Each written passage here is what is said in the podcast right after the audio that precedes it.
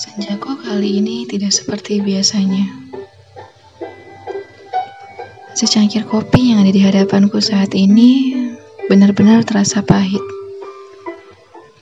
Tidak ada rasa manis sedikit pun saat aku meminumnya.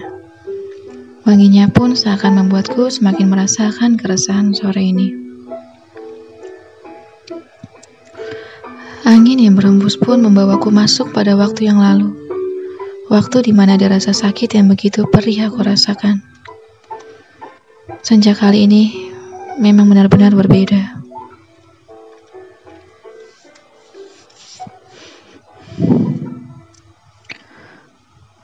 Aku benar-benar diluputi dengan rasa kegelisahan yang begitu sangat menggangguku.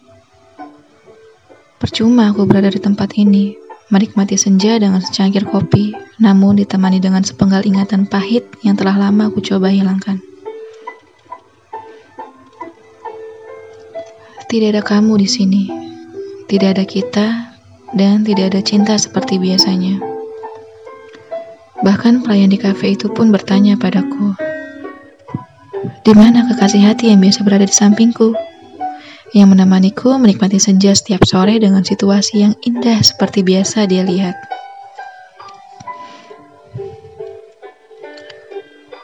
Aku tertawa kecil dan menjawab, Pria itu sekarang punya tempat baru dan orang baru untuk menikmati senjanya kali ini. Aku tidak merasakan sakit sedikit pun, hanya ada rasa kecewa karena aku telah dibohongi lagi untuk kedua kalinya. Ada sekelompok burung yang sedang berkumpul di bawah halaman parkir kafe itu. Saat burung-burung itu terbang di hadapanku, saat itu pula aku tersadar bahwa tempat ternyaman pun akan menjadi tempat yang akan ditinggalkan untuk mencari kenyamanan lain. Karena sejatinya semua pasti punya referensi lain untuk mencari kenyamanannya, bukan? Ya, kenyamanan yang berbeda dari biasanya. Begitu pula dirimu.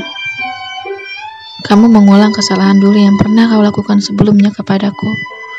Pergi dan menghilang dalam waktu yang cukup lama dan hadir dengan berita bahwa kau telah bersama orang lain. Aku sudah tidak ingin mengingat keperihan itu sesaat pun selepas kau memilih orang baru. Namun tidak lama, kau datang kembali dan memintaku untuk memaafkanmu. Kamu meminta untuk memperbaiki hubungan kita dan berjanji untuk setia pada satu cinta yaitu diriku. Dengan wajah polos, aku malah tersenyum dan mengabulkan permintaanmu. Entah aku yang terlalu bodoh atau memang rasa itu masih ada untukmu. Andai saja aku tahu saat itu bahwa kau tidak benar-benar ingin bersamaku.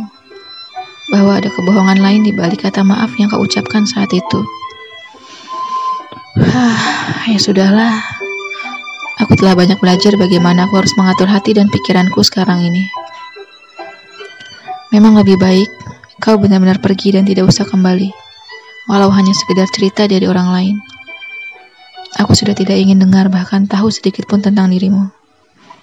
Dan senja ini ditutup dengan alunan lagu yang sangat indah dari kafe itu.